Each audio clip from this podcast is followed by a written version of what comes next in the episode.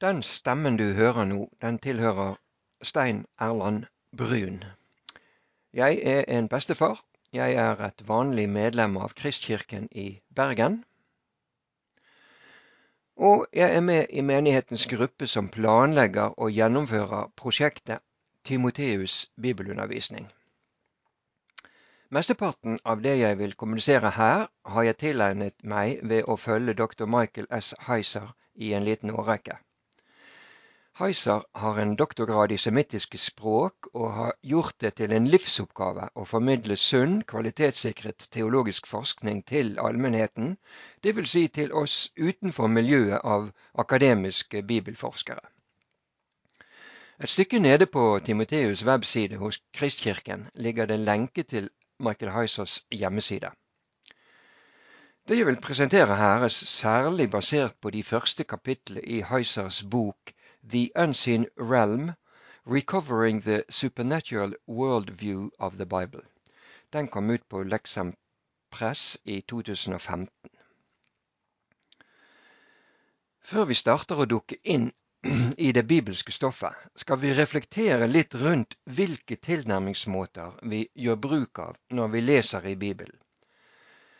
Mange av oss har en tendens til å lese den gjennom de brillene noen har gitt oss, eller gjennom de fakta som allerede er kjent for oss.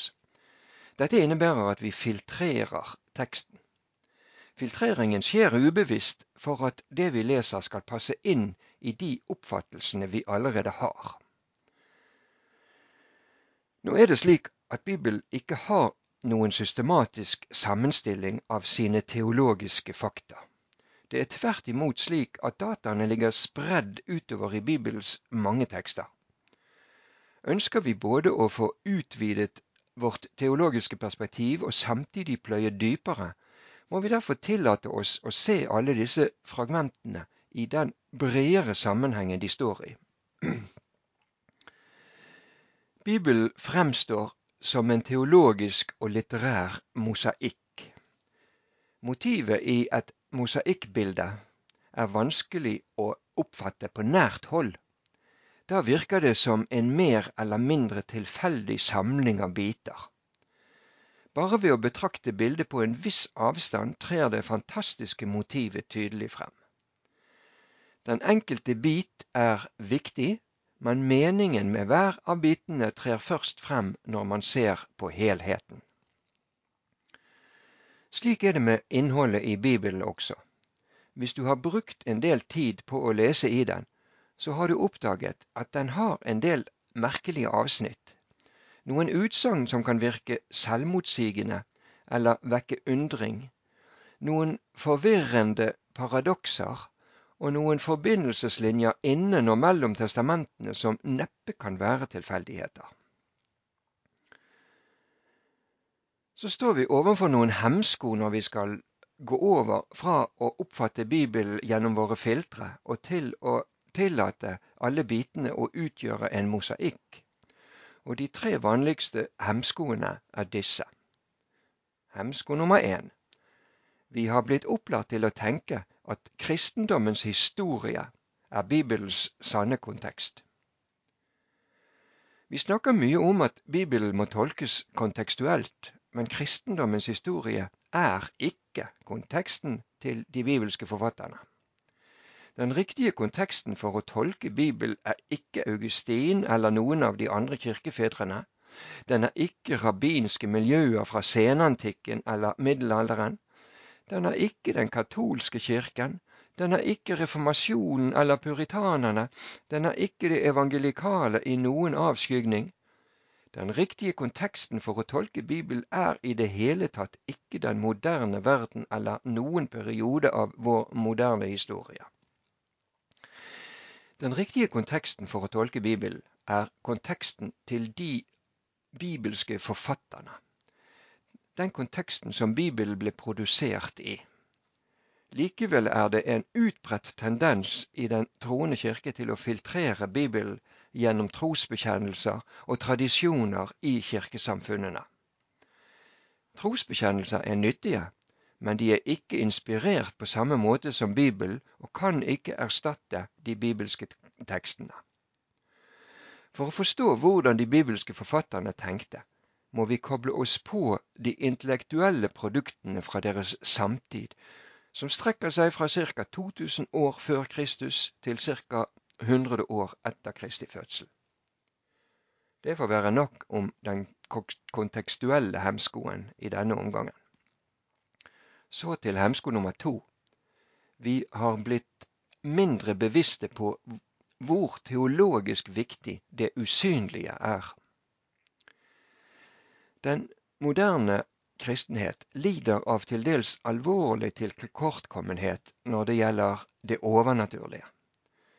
For det første er det mange moderne kristne som hevder at de tror på det overnaturlige, men som tenker og lever som skeptikere. For det andre har de karismatiske tradisjonene opphøyd erfaring til å være mer vesentlig enn Skriften. Begge disse hemskovariantene har sitt opphav i at moderne kristendoms oppfattelse av den usynlige verden ikke er rammet inn av de bibelske forfatternes verdensanskuelse. I en moderne evangelikal subkultur er mange av oss i stor grad lært opp til å tenke at vår teologi utelukker erfaringer med det usynlige, eller kanskje vi heller skal omtale det som det overnaturlige.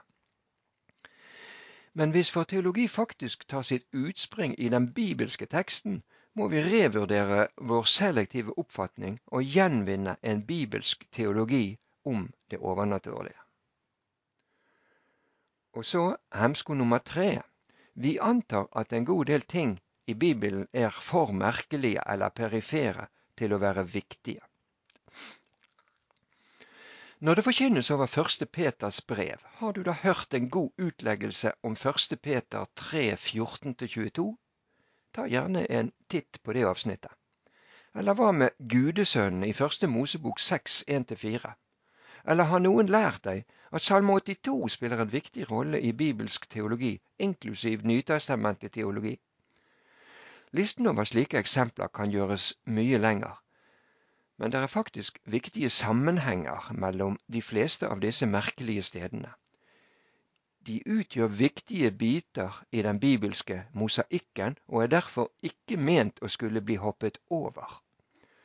Hvis noe er merkelig i Bibelen, er det ofte fordi det er viktig, men vanskelig å forstå ut fra vår moderne referanseramme. Vi må prøve å overvinne den hemskoen det er å leve i en moderne kultur og skulle forstå bibelske skrifter som var skrevet til mennesker som levde i en annen kultur med et annerledes verdensbilde. For å oppsummere. Bibelen er ikke skrevet til oss, men den er like fullt skrevet for oss. Den enkelte bok i Bibelen ble skrevet til mennesker i sin samtid. Rett forstått gjelder de teologiske budskapene i Bibelen også for oss. Noen hindringer må da overvinnes for å se de store mønstrene i mosaikken. Vi må legge inn noe engasjement i å sette oss litt inn i tenkemåtene til dem Bibelen ble skrevet til, slik at vi kan få klarhet i bitene, og etter hvert se de store mønstrene den har, også for oss. Både barn og voksne kan noen ganger spørre hva fantes før Gud skapte verden? Det svaret de fleste vil få, er at Gud fantes. Det er sant, men ikke hele sannheten. Gud hadde selskap, og ikke bare av de andre medlemmene av treenigheten. Det bibelske svaret er at den himmelske herskaren var med Gud før skapelsen av det universet vi kjenner.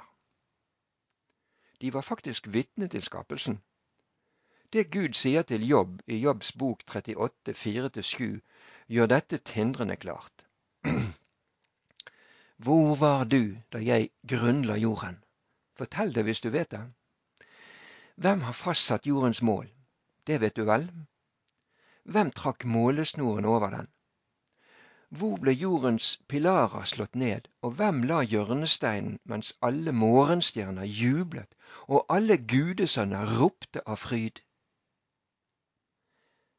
Hvem er disse gudesønnene som jublet av glede da Gud la hjørnesteinen for jorden? Åpenbart er de ikke mennesker, for dette er før skapelsen. Det forholder seg slik at den usynlige verden har en hierarkisk struktur, noe som f.eks. reflekteres i ord som engel versus erkeengel. I den semittiske verden er ordet gudesønner, hebraisk benei elohim, et uttrykk som blir brukt for å identifisere vesener høyt oppe på rangstigen, dvs. Si vesener som er betrodd et stort ansvarsområde. Ordet engel, hebraisk malak, reflekterer et viktig, men lavere ansvarsområde, nemlig det å levere budskap. Det hebraiske ordet som vi oversetter med engel, er det samme ordet som brukes om enhver budbærer, også brukt om mennesker i funksjonen som budbærer. I Jobb 38 blir gudesønnene referert til som morgenstjerner. Den tidens kulturer trodde at stjernene var levende vesener fordi de beveget seg. Oppfattelsen var at det som kunne bevege seg, hadde liv. Stjerner ble oppfattet som den lysende herligheten til levende vesener som befant seg i det himmelske, utenfor den jordiske sfæren. Morgenstjernene signaliserer nytt liv, en ny dag. Denne billedbruken fungerer. Den setter de rette tankene i sving hos oss. De opprinnelige morgenstjernene, gudesønnene, så livets begynnelse slik vi kjenner det, jordens skapelse. Helt fra begynnelsen av har altså Gud selskap av åndsvesener, gudesønnene. Gud og gudesønnene, den guddommelige familien, er de første bitene i mosaikken. Gudesønnene er åpenbart intelligente, ikke-menneskelige vesener. Betegnelsen sønner fortjener litt oppmerksomhet. Det er et familiebegrep, og det er verken tilfeldig eller inkonsistent. Gud har en usynlig familie. Dette er hans opprinnelige familie. Logikken er den, som, den, samme som vi finner i den talen Paulus holdt på Areopagos, hvor han sier at alle mennesker er Guds slekt, eller Guds avkom. Apostelgjerningene apostelgjerningene 1728. Gud har skapt en skare av ikke-menneskelige guddommelige vesener som opererer i en sfære som for menneskelige øyne er usynlig. Og siden han skapte dem, kaller han dem sine sønner, på samme måte som du kaller dine barn for sønner og døtre fordi du spilte en rolle i tilblivelsen av dem. Blant flere gamletestamentlige avsnitt som beskriver den administrative strukturen i det himmelske, er kanskje Salme 82 den tydeligste, og kanskje den mest forunderlige og samtidig mest klargjørende. I denne salmen refereres det til Jahves administrasjon som et råd, en rådsforsamling. Det første verset lyder slik Gud, hebraisk Elohim, står fram i den guddommelige forsamling, og midt mellom guder, hebraisk Elohim, holder han dom. Du la sikkert merke til at det hebraiske ordet Elohim forekommer to ganger i dette verset. Du gjenkjenner trolig også Elohim som et av navnene brukt på Gud, til tross for at dette ordet alltid har en flertallsform. På hebraisk ender hankjønnsord alltid på im i flertallsform. Mens ordet Elohim er en flertallsform, kan ordet men, ordets mening enten være flertall eller entall. De fleste av de 2000 gangene det forekommer i den hebraiske bibel, er meningen entall fordi det dreier seg om Israels Gud. Her i Salme 82 vers 1 må den første forekomsten av Elohim være entall, fordi den hebraiske grammatikken viser at verbet har en form som tilsier at substantivet er entall. Den andre forekomsten av Elohim må være flertall fordi preposisjonen, dvs. Si ordet mellom, krever at det er flere av dem. Preposisjonen tilsier at vi har med en gruppe å gjøre, og det samme gjør ordet forsamling. Meningsinnholdet i verset er ikke til å komme utenom. Den ene Elohim av Israel regjerer over en forsamling av Elohim. Når vi leser videre nedover i Salme 82, ser vi at Gud har kalt sammen til et møte i sin guddommelige rådsforsamling for å dømme gruppen av Elohim for vanstyre og korrupt forvaltning av nasjonene. Vers 6 viser at disse Elohim er gudesønner, og Gud sier til dem Jeg har sagt, dere er guder, Elohim, sønner av den høyeste, Benei Elian, er dere alle. Når de bibelske skribentene brukte uttrykket 'den høyeste', Elion, ble det alltid brukt som en benevnelse på Israels gud. Teksten er ikke klar på hvorvidt dommen gjelder samtlige eller bare noen av gudesønnene. Dette at gudesønner hersker over nasjoner, finner vi omtalt flere andre steder i Det gamle testamentet. Hovedpoenget i denne sammenhengen er at gudesønner er guddommelige vesener underlagt autoriteten og regjeringsmakten til Israels Gud. Noen har valgt å tolke gudesønnen i Salme 82 enten som de to andre personene i treenigheten, eller som mennesker, og da som regel som ledere eller dommere i israelsfolket. Begge disse tolkninger faller på sin egen urimelighet, særlig i lys av at uttrykket gudesønner brukes i andre deler av Gammeltestamentet, og hvor det der refereres til et guddommelig råd av Elohim, dvs. Si gudesønner i betydningen herskende eller forvaltende åndsvesener. Salme 89, 6-8 står i et eh, direkte motsetningsforhold til å oppfatte det guddommelige råd som bestående av mennesker. Himmelen priser dine under, Herre, dvs. Si Javé. De helliges forsamling priser din trofasthet. For hvem i skyene, eller himmelen, er Javé lik, Javés like? Hvem blant gudesømmer er som Herren, Javé? En stor og skremmende Gud i de helliges råd, mer verdt å frykte enn alle som omgir ham. Vi leser her at Guds guddommelige råd er en forsamling i himmelen, ikke på jorden. Dette er som forventet når vi forstår Elohim som guddommelige åndsvesener. Ingen steder i GT handler om et råd av mennesker som befinner seg i himmelen eller i skyene og tjener Gud der. Det Salme 82 og 89 beskriver, er helt konsistent med det vi var innom tidligere i Jobb 38,7, en gruppe med himmelske gudesønner. Det harmonerer også fullstendig med andre steder hvor gudesønner er angitt med flertall av Elohim, som for eksempel Jobb 1,6 og 2,1. Så en dag kom gudesønnene og trådte fram for Herren. Og Salme 29, 1-2. Gudesønner, gi Herren ære. Gi Herren ære og makt. Gi Herren den ære Hans navn skal ha. Bøy dere for Herren i hellig prakt. Enkelte bibeloversettere har lest polyteisme inn i Salme 82 og andre steder, og valgt en oversettelse som kamuflerer dette, som om vi bibellesere bør skånes mot Bibelens faktiske innhold. Noen forskere har ment at disse avsnittene demonstrerer at israelerne startet ut som polyteister, og så beveget seg over mot monoteisme. Denne tenkningen beror på en misforståelse av hva ordet Elohim faktisk betyr. De bibelske forfatterne bruker ordet Elohim på seks ganske så ulike fenomener eller vesener. Nummer én Javé, Israels gud.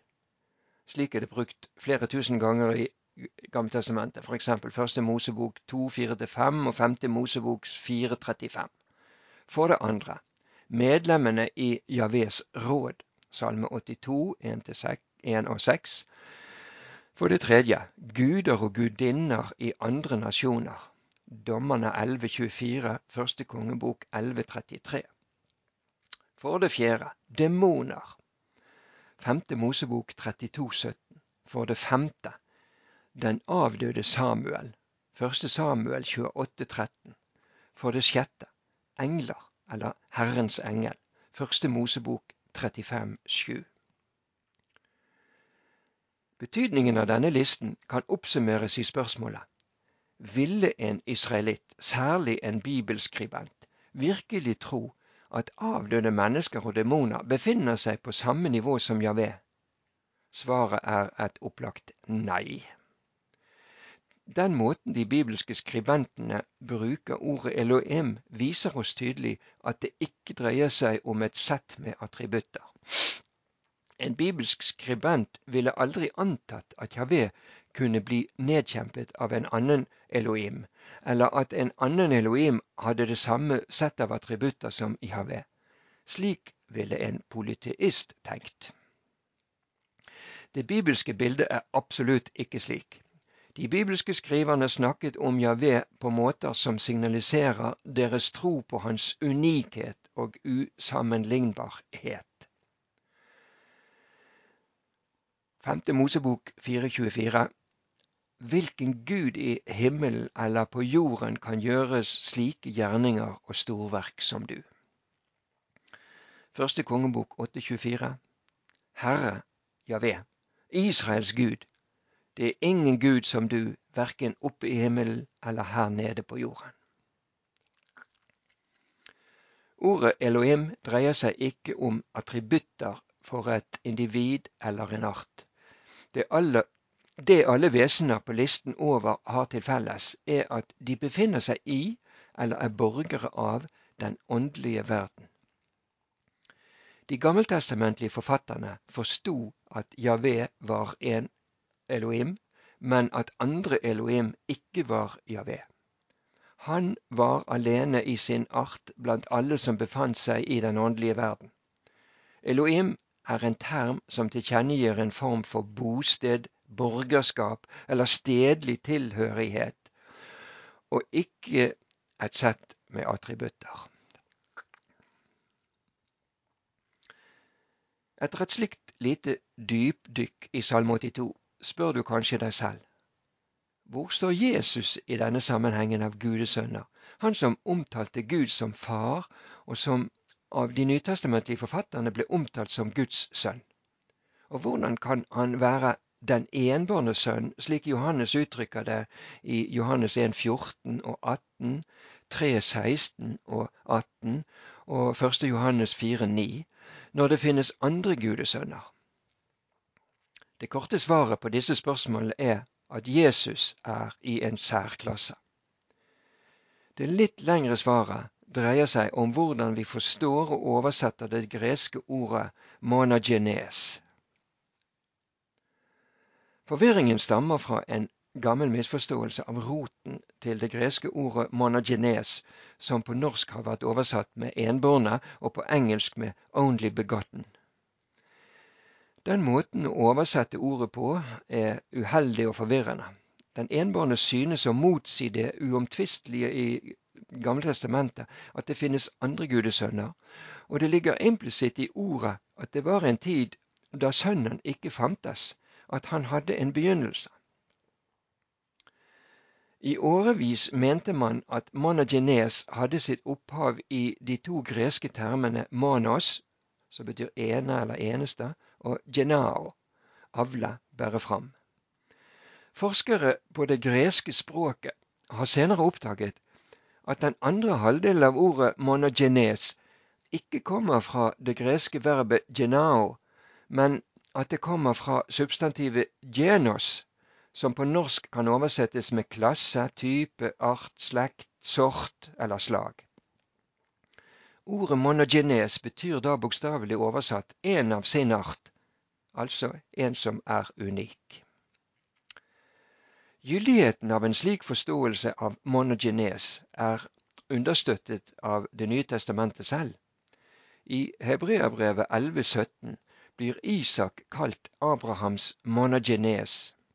Vi vet fra Gammeltestamentet at Isak ikke var Abrahams enbårne.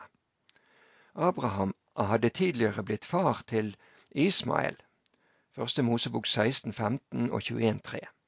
Termen må bety at Isak var Abrahams unike sønn, for han var sønnen som var i tråd med paktsløftene. Det var i Isaks stamlinje at Messias skulle komme. På samme måte som Javé er én Elohim, og ingen andre Elohim er Javé, så er Jesus den unike sønnen, og ingen andre av Guds sønner er lik ham. Dette var mitt sammendrag av det Michael Heiser skriver om Jesus med hensyn til det greske ordet monogenes. Så kan jeg for egen regning legge til at dersom man på Internett gjør et søk på monogenes og only begotten, vil man se at i løpet av de siste 10-15 årene har teologer skrevet en del artikler hvor det diskuteres hvordan dette ordet skal forstås. Jeg er ikke teolog og, har ikke, og kan heller ikke gresk, så det er vanskelig for meg å vurdere kvaliteten i de ulike argumentasjonsrekkene.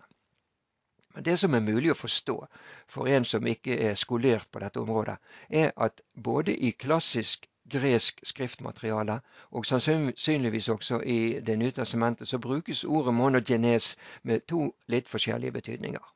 Den ene betydningen kan oversettes med én av sitt slag, eller unik, mens den andre betydningen kan oversettes med enebarn, enestefødte eller enbårne.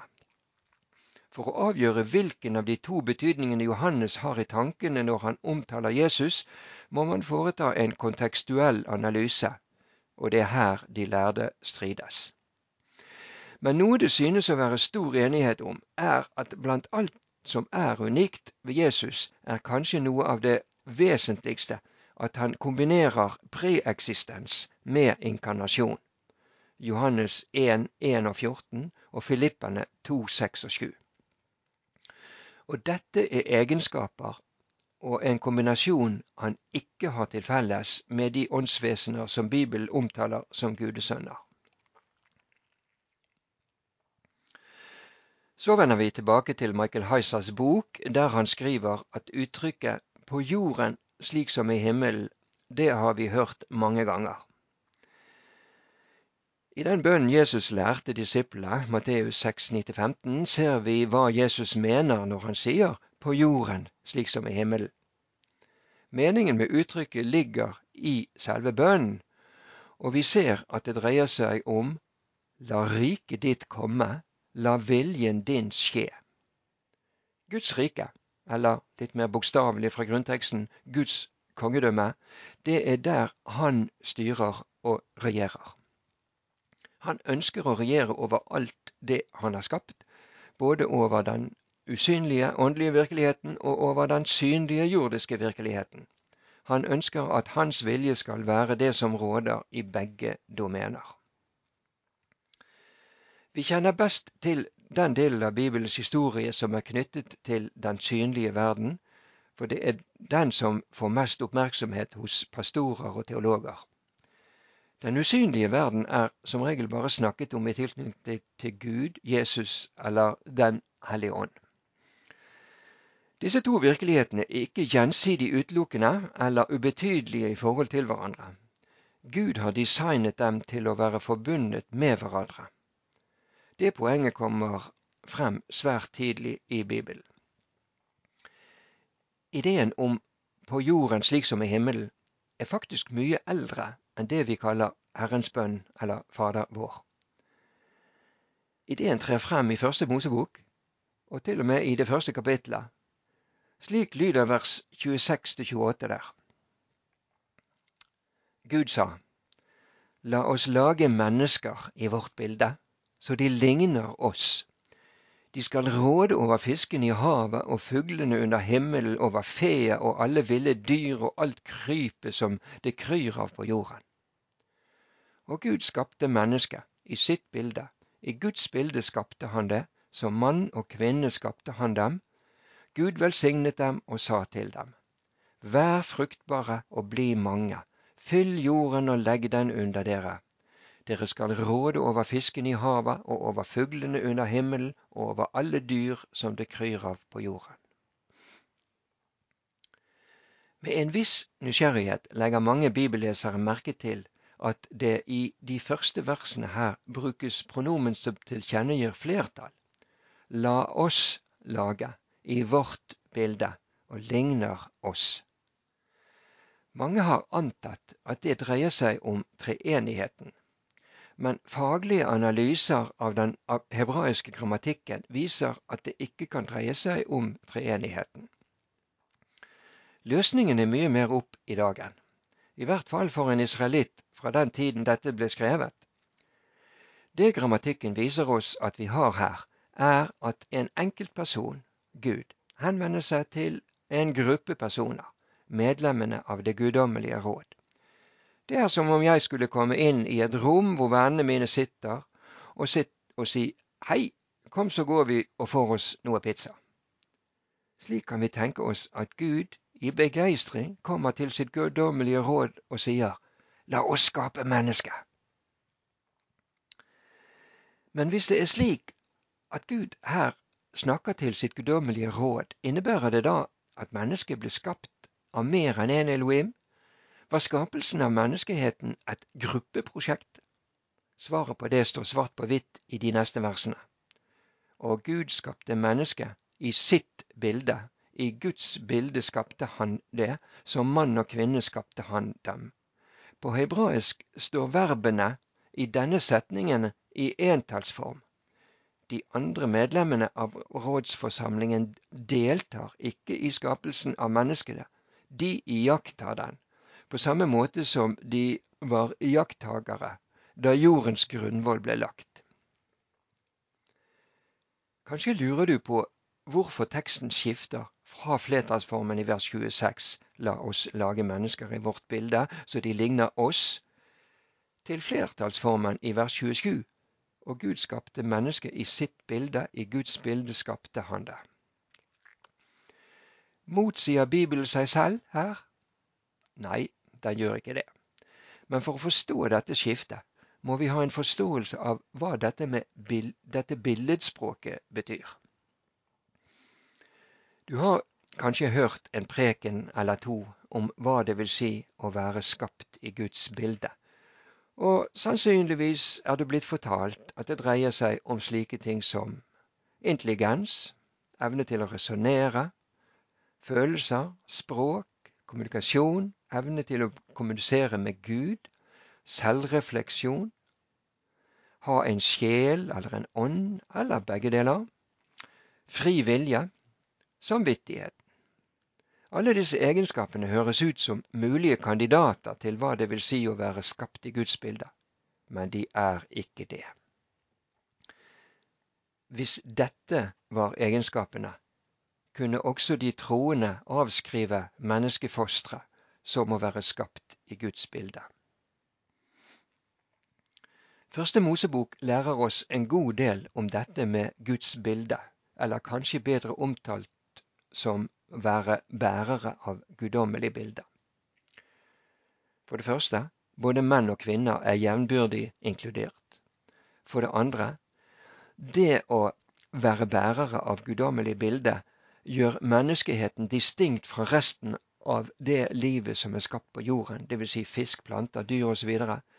Flertallsformen i første Mosebok 1.26 indikerer at vi har noe til felles med de himmelske skapningene, gudesønnene, som allerede eksisterte ved skapelsen. For det tredje, det er noe med det å være bilde som i en eller annen forstand gjør menneskeheten lik Gud. Og for det fjerde, det er ingenting i teksten som antyder at det å være bilde kan komme gradvis eller bare delvis. Man er enten skapt i Guds bilde eller ikke. Man kan ikke snakke om delvis eller potensielt å være bærere av Guds bilde. Hebraisk grammatikk setter oss på sporet av hva som er ment med å være skapt i Guds bilde. Nøkkelen til forståelse ligger i preposisjonen i. På norsk bruker vi denne preposisjonen på mange måter. For eksempel Sett kjølene i vasken. Her brukes preposisjonen til å angi en lokalisering. Speilet gikk i tusen biter. Her brukes preposisjonen til å angi et resultat. Jeg arbeider i skolen. Her brukes preposisjonen til å angi en funksjon. Og Dette siste eksempelet setter oss på sporet av hva den hebraiske preposisjonen som i første Mosebok 1.26 er oversatt med i, egentlig betyr.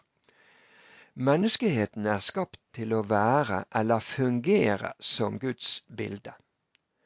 Det å være skapt i Guds bilde innebærer en status eller en funksjon vi er tildelt.